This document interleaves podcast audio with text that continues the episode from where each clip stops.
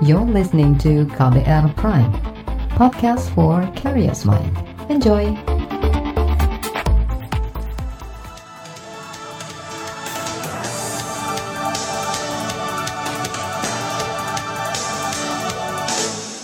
Selamat pagi saudara. Senang sekali kami bisa menjumpai Anda kembali melalui program Buletin Pagi edisi Kamis 20 Agustus 2020.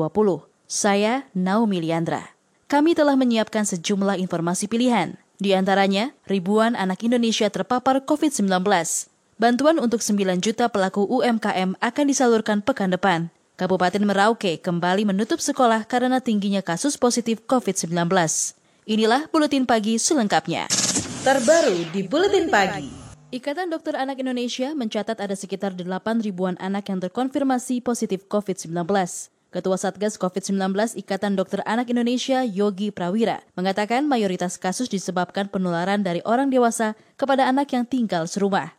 Yogi mengatakan orang dewasa yang masih beraktivitas di luar sangat rentan membawa dan menularkan virus kepada anak di rumah. Sampai dengan minggu lalu, itu kira-kira ada sekitar 8.000 anak yang terkonfirmasi. Index case-nya, artinya yang menularkan 90% anak-anak yang tertular tadi, itu adalah tertular dari orang dewasa tinggal serumah gitu. Karena anak-anak kan sudah aman nih, tidak terpapar ya, ada di dalam rumah, tapi orang dewasanya kan tetap uh, mobile nih, entah bekerja. Seringkali orang dewasa yang ternyata dia terpapar virus, kemudian dia pulang ke rumah nggak sadar di bawah virusnya, menularkan kepada anaknya. Ketua Satgas COVID-19 Ikatan Dokter Anak Indonesia, Yogi Prawira mengatakan, secara proporsi, anak yang sakit berat itu lebih kecil dibandingkan orang dewasa. Menurutnya, dari data WHO, tingkat rata-rata kematian anak di Indonesia akibat COVID-19 termasuk tertinggi se-Asia Pasifik, sekitar 1,7 sampai 2 persen total yang meninggal. Di negara lain kurang dari 1 persen.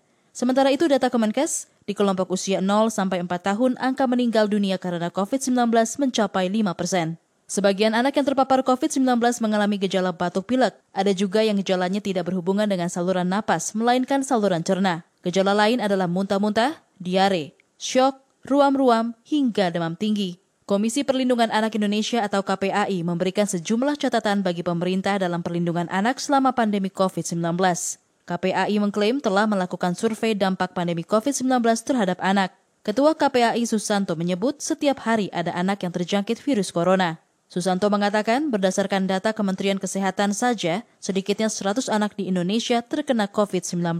Kita tahu bahwa hari ini banyak anak-anak kita di Indonesia yang terpapar COVID. Apakah data Kemenkes, data uh, Satgas IDAI, maupun data-data yang lain. Misalnya salah satu referensi yang penting juga menjadi pencermatan kita adalah data Kemenkes. Setiap hari ada 100 anak yang terpapar COVID. Ini tentu menjadi perhatian besar sekaligus pekerjaan rumah bagi kita. Ketua KPAI Susanto mendorong pemerintah agar serius memberikan perlindungan terhadap kesehatan anak di tengah pandemi. Ia mewanti-wanti pemerintah akan memberikan perhatian serius terhadap jumlah anak yang positif tertular COVID-19. Yayasan Lentera Anak menyebut tingginya tingkat kematian anak Indonesia akibat COVID-19 menjadi alarm keras bagi pemerintah. Ketua Lentera Anak Lisda Sundari meminta pemerintah berbenah dan serius melindungi anak-anak dari resiko tertular COVID-19 itu saya kira sudah alarm yang cukup keras bagi pemerintah untuk mengevaluasi apakah kebijakan-kebijakan yang dikeluarkan dalam rangka menanggulangi COVID ini juga mempertimbangkan atau menjadikan permasalahan anak sebagian dari prioritas. Itu juga menjadi pertanyaan kami. Saya kira prioritasnya sama. Semua warga punya hak untuk dilindungi, termasuk anak-anak. Cuma kan gini, undang-undang itu memperlakukan anak itu adalah kaum yang rentan. Sehingga kebijakannya juga harus lebih khusus untuk anak-anak. Ketua Lentera Anak Lisda Sundari juga meminta pemerintah tidak menempatkan anak pada situasi bahaya yang berpotensi bisa membuat anak tertular COVID-19. Dalam hal ini, Lisda menyoroti kebijakan pemerintah yang mengizinkan pembukaan sekolah di zona kuning. Selain memberikan rasa aman atas kesehatan anak, Lisda juga meminta pemerintah memastikan pendidikan anak terpenuhi dengan baik di masa pandemi. Sebab kesehatan dan pendidikan sangat berpengaruh terhadap tumbuh kembang anak. Sementara itu, Satuan Tugas Penanganan COVID-19 melaporkan masih ada penambahan kasus COVID-19 di tanah air.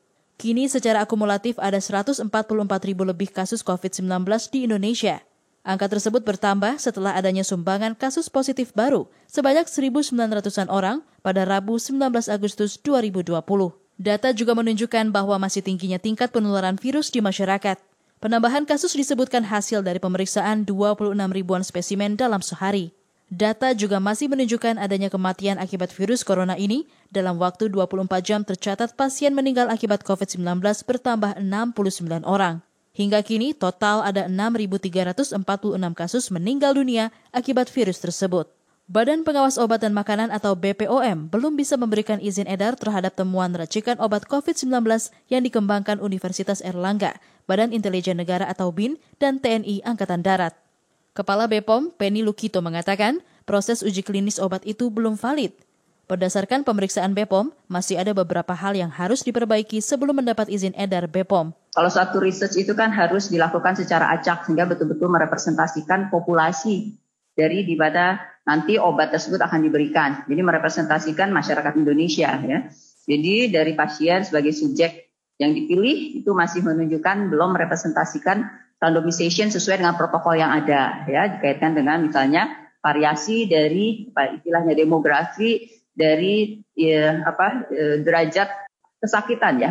Kepala BPOM Penny Lukito menambahkan, berdasarkan pemeriksaan racikan obat yang dikembangkan UNER itu tergolong keras dan memiliki efek samping. Meskipun BPOM belum dapat memastikan efek sampingnya. Sebelumnya, tim peneliti dari Universitas Erlangga, BIN, dan TNI Angkatan Darat mengklaim menemukan kandidat obat COVID-19.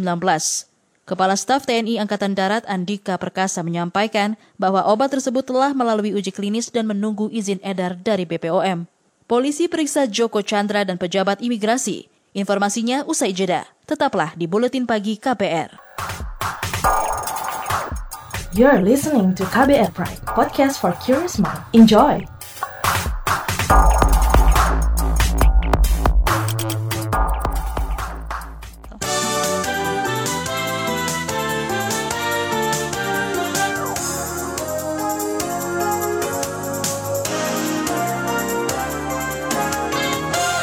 Presiden Joko Widodo berjanji akan segera merealisasikan pemberian bantuan modal kerja bagi 9,1 juta pelaku usaha mikro kecil dan menengah atau UMKM.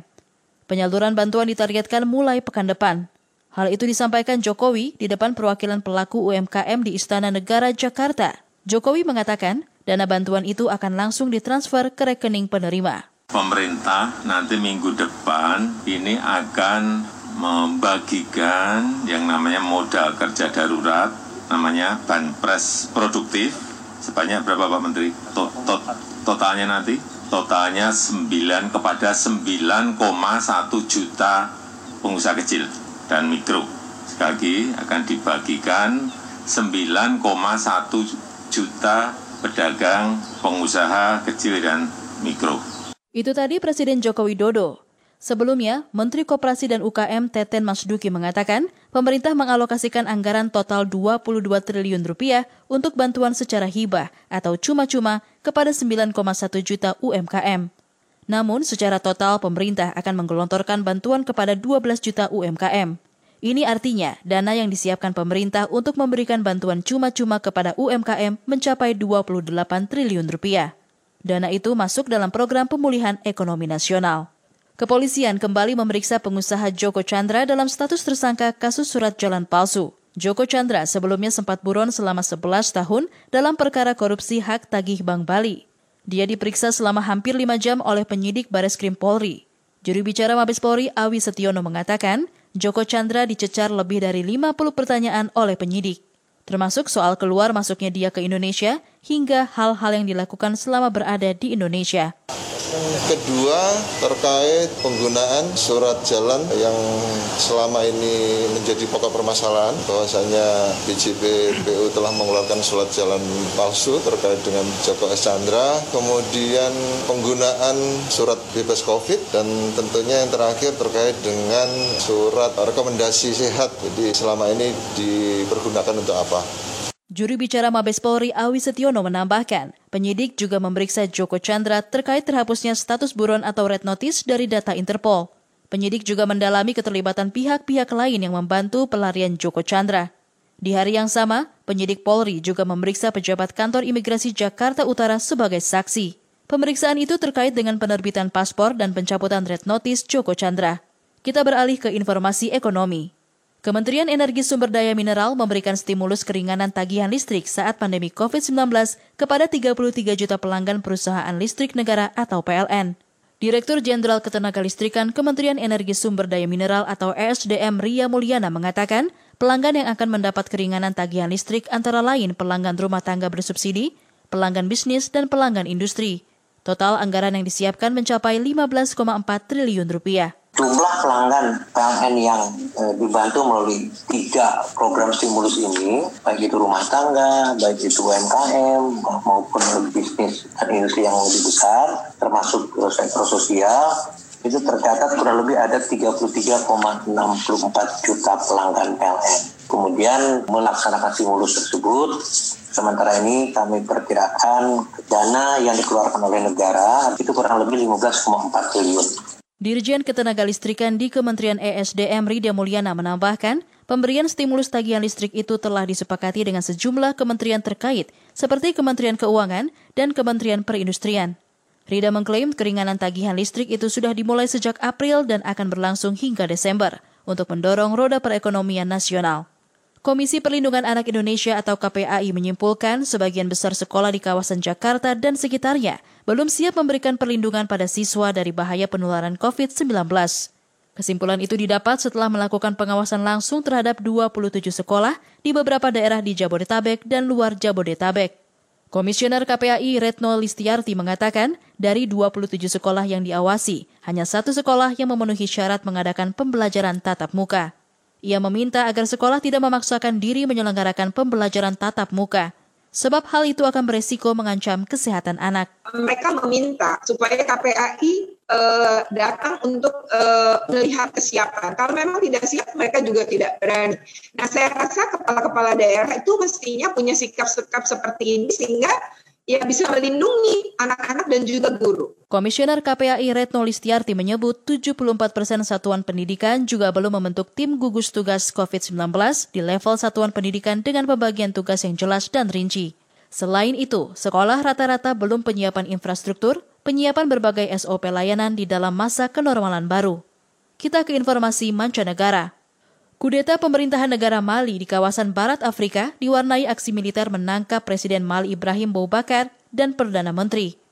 Kudeta dilakukan militer Mali yang mengatasnamakan Komite Nasional Penyelamatan Rakyat pada Selasa kemarin. Beberapa jam setelah penangkapan, Presiden Mali tampil di televisi dan menyatakan mundur dari jabatannya. Ia menyatakan mundur untuk menghindari pertumpahan darah. Aksi ini mendapat perhatian dari dunia internasional karena dikhawatirkan bisa mengganggu stabilitas kawasan Afrika Barat. Kudeta terjadi setelah berbulan-bulan terjadi aksi massa menentang pemerintahan. Kelompok ini memprotes kecurangan pemilu, korupsi pemerintah, hingga meningkatnya pemberontakan dari kelompok milisi Islam garis keras. Kelompok kudeta menyatakan menutup semua kawasan perbatasan darat dan udara, pemberlakuan jam malam di seluruh wilayah, serta akan segera menyelenggarakan pemilu. Laporan khas KBR bertajuk menyoroti dominasi klaster permukiman COVID-19 akan hadir usai jeda. Tetaplah di Buletin Pagi KBR.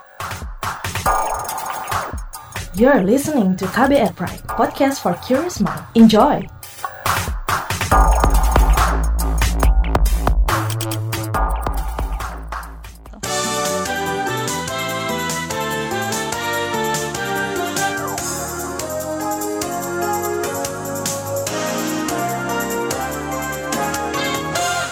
Klaster permukiman atau perumahan merupakan sumber transmisi terbesar kasus COVID-19. Hal ini sejalan dengan data terbaru yang menyebut kawasan perkotaan padat penduduk menyumbang lebih dari separuh total kasus kumulatif. Aparat pemerintah hingga level terbawah dituntut siaga untuk menekan laju penyebaran. Simak laporan tim KBR yang dibacakan Dwi Renjani. Orang sudah berbicara tentang klaster, yang paling menarik adalah klaster perkantoran, padahal yang paling tinggi klasternya adalah klaster pemukiman dan penularan yang ada di pemukiman kalau dibawa ke kantor akan menulari yang di kantor. Itu tadi pernyataan juru bicara penanganan COVID-19 Wiku Adhisa Smito. Ia menyoroti klaster permukiman dan perumahan yang menjadi sumber penularan terbesar virus corona, terutama di lingkup perkotaan. Rentannya risiko penularan COVID-19 di permukiman atau perumahan membuat aparat hingga level terkecil seperti ketua RT harus selalu waspada. Tak terkecuali wilayah Depok, Jawa Barat yang kini menjadi zona merah. Ketua RT 7 RW 10 Perumahan Studio Alam Indah Depok, Teguh Prawiro menyebut dirinya tergabung dalam Satgas Kampung Siaga COVID-19.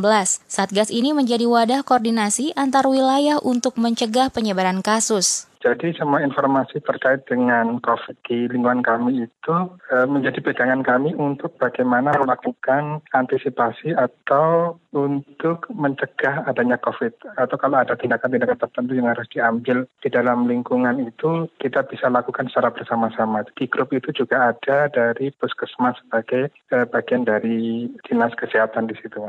RT yang dipimpin Teguh sempat tenar karena kasus 01 hingga 03 merupakan warganya. Kala itu, warga lain bahkan ikut kena imbas berupa stigma sebagai sumber virus corona. Mereka menggelar senam bersama untuk mengikis label negatif itu. Belajar dari kasus tersebut, Teguh menerapkan strategi lebih ketat dalam perlindungan data warga yang menjadi pasien COVID-19. Ia juga memastikan mereka mendapat pendampingan intensif sampai dinyatakan bebas dari COVID untuk mereka yang memang tidak siap untuk uh, diketahui oleh masyarakat, maka kita akan mendampingi secara intensif dan kita tidak akan membocorkan identitas maupun rekod dari medis yang mereka miliki. Tapi ada pasien-pasien yang yang terbuka karena setiap ya, warga kami kontrol di rumah sakit itu selalu kemudian masuk dalam data yang ada di puskesmas yang yang menjadi ODP gitu, Mbak. Teguh mengamini sulitnya menegakkan aturan protokol kesehatan antar warga. Ini lantaran aturan yang ada tidak dilengkapi dengan sanksi hingga sulit untuk menindak pelanggar. Bahkan menurutnya, warga saat ini sudah mulai berani menggelar aktivitas keramaian. Ya itu dikembalikan kepada kesadaran masing-masing. Sebagai bagian dari Satgas COVID di kampung kami ya semua informasi yang diberikan pemerintah pasti kita salurkan kepada masyarakat. Tapi kembali kepada masing-masing warga itu apakah mau mengikuti atau tidak. Karena tidak ada apa lo enforcement mau atau sanksi bagi mereka yang tidak mengikuti protokol itu. Bahkan di sini sekarang itu banyak yang mulai mengadakan hajatan-hajatan itu. Sementara uh, Satgas di tingkat RT itu kan nggak punya kemampuan untuk melarang. Pengalaman mitigasi kasus COVID-19 juga pernah dilakoni Kepala Desa Panggung Harjo, Banten Bantul, Yogyakarta, Wahyudi Anggoro Hadi. Empat warganya dinyatakan positif COVID-19, tiga di antaranya merupakan satu keluarga. Aparat desa saat itu langsung sigap bergerak karena telah menyiapkan sistem hingga infrastruktur sejak kasus COVID masuk ke Indonesia. Tim Satgas Desa melakukan karantina 2 RT. Kontak dengan pasien positif dites cepat dan dilakukan tes usap jika reaktif. Selama proses karantina, seluruh warga dijamin suplai kebutuhan pokok saban hari dua RT itu kita lockdown, kita karantina 14 hari. Terus membatasi pergerakan manusia, hanya diperkenankan keluar dari wilayah itu untuk alasan penting dan mendesak. Nah, selama 14 hari itu kecukupan pangannya kita cukupi semua. Ada sekitar 230-an kepala keluarga lah itu yang kemudian kita cukupi. Dari sisi pencegahan, kondisi kesehatan sekitar 10.000 warga Panggung Harjo rutin dimonitor setiap hari. Asistensi dan penanganan medis mudah diakses lewat aplikasi WhatsApp dan nomor hotline tanggap COVID. Hingga kini, Panggung Harjo masih berstatus hijau atau belum ada kasus baru. Kemudian untuk yang resiko sedang sama resiko tinggi, kemudian kita berikan nomor kontak silakan hubungi nomor ini ini ini. Jika mengalami gejala suhu badan meningkat lebih dari 38 derajat Celcius, muncul keluhan sesak, nafas sedang sampai berat dan sebagainya semacam itu. Nomor itu adalah nomor hotline yang kita memang kita berikan sebagai media komunikasi 24 jam. Anggota tim pakar gugus tugas COVID-19 Dewi Nur Aisyah meminta masyarakat selalu waspada saat terlibat dalam kegiatan sosial. Untuk kesekian kalinya, ia menekankan tentang pentingnya mematuhi protokol kesehatan demi menekan laju penyebaran virus. Jadi ada beberapa aktivitas masyarakat nih Mbak Kiki yang harus kita lebih hati-hati. Yang pertama adalah kegiatan sosial. Kalau misalnya kita ketemu banyak orang, nah ini nih, entah tahlilan, pengajian, pernikahan, udah mulai banyak nih, pernikahan, lamaran, segala macam. Ini harus hati-hati. Intinya tetap harus melaksanakan protokol kesehatan. Demikian laporan tim KBR, saya Dwi Renjani. Informasi dari daerah akan kami sajikan usai jeda. Tetaplah di Buletin Pagi KBR. You're listening to KBR Pride, podcast for curious mind. Enjoy!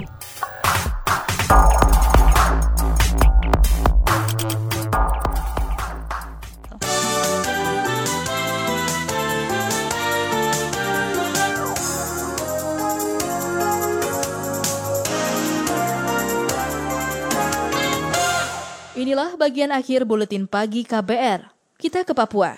Dinas Pendidikan Kabupaten Merauke, Papua, kembali menutup puluhan sekolah baik tingkat SD, SMP, dan SMA di sembilan distrik atau kecamatan.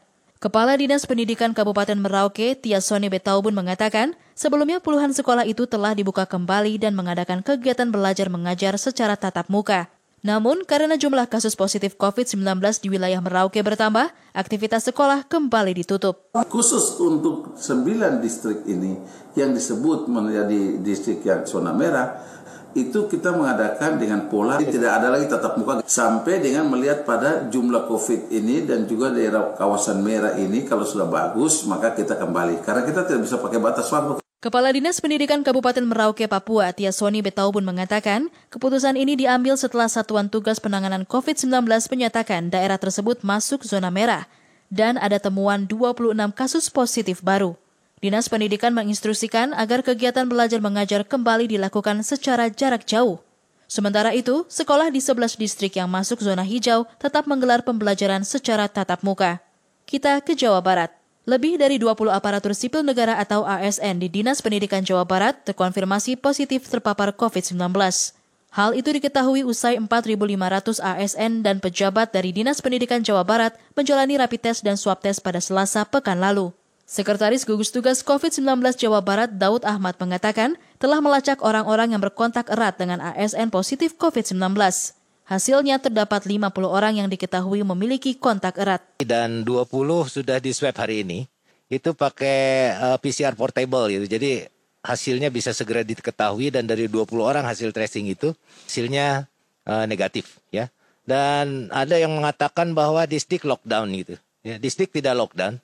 Saya sempat Pak berkomunikasi dengan Pak Kadisdik distrik tidak lockdown nih, masih eh, tetap buka.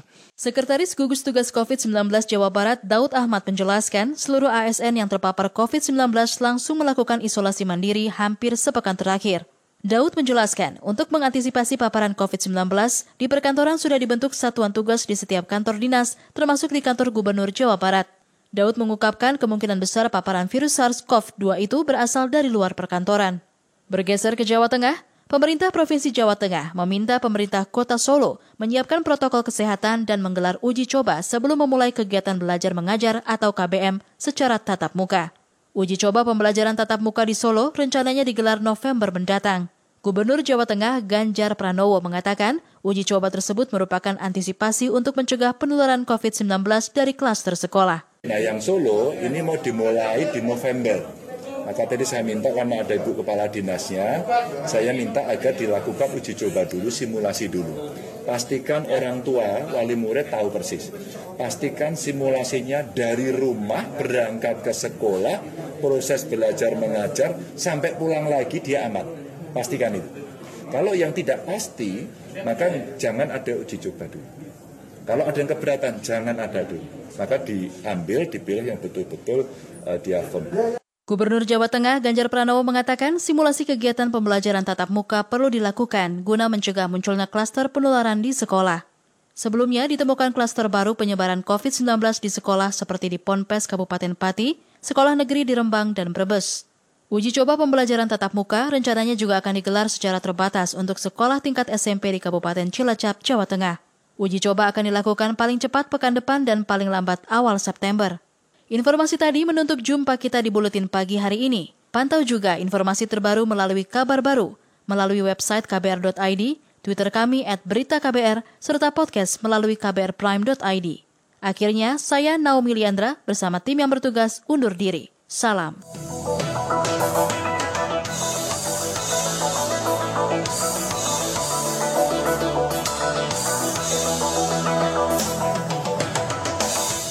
KBR Prime, cara asik mendengar berita. KBR Prime, podcast for curious mind.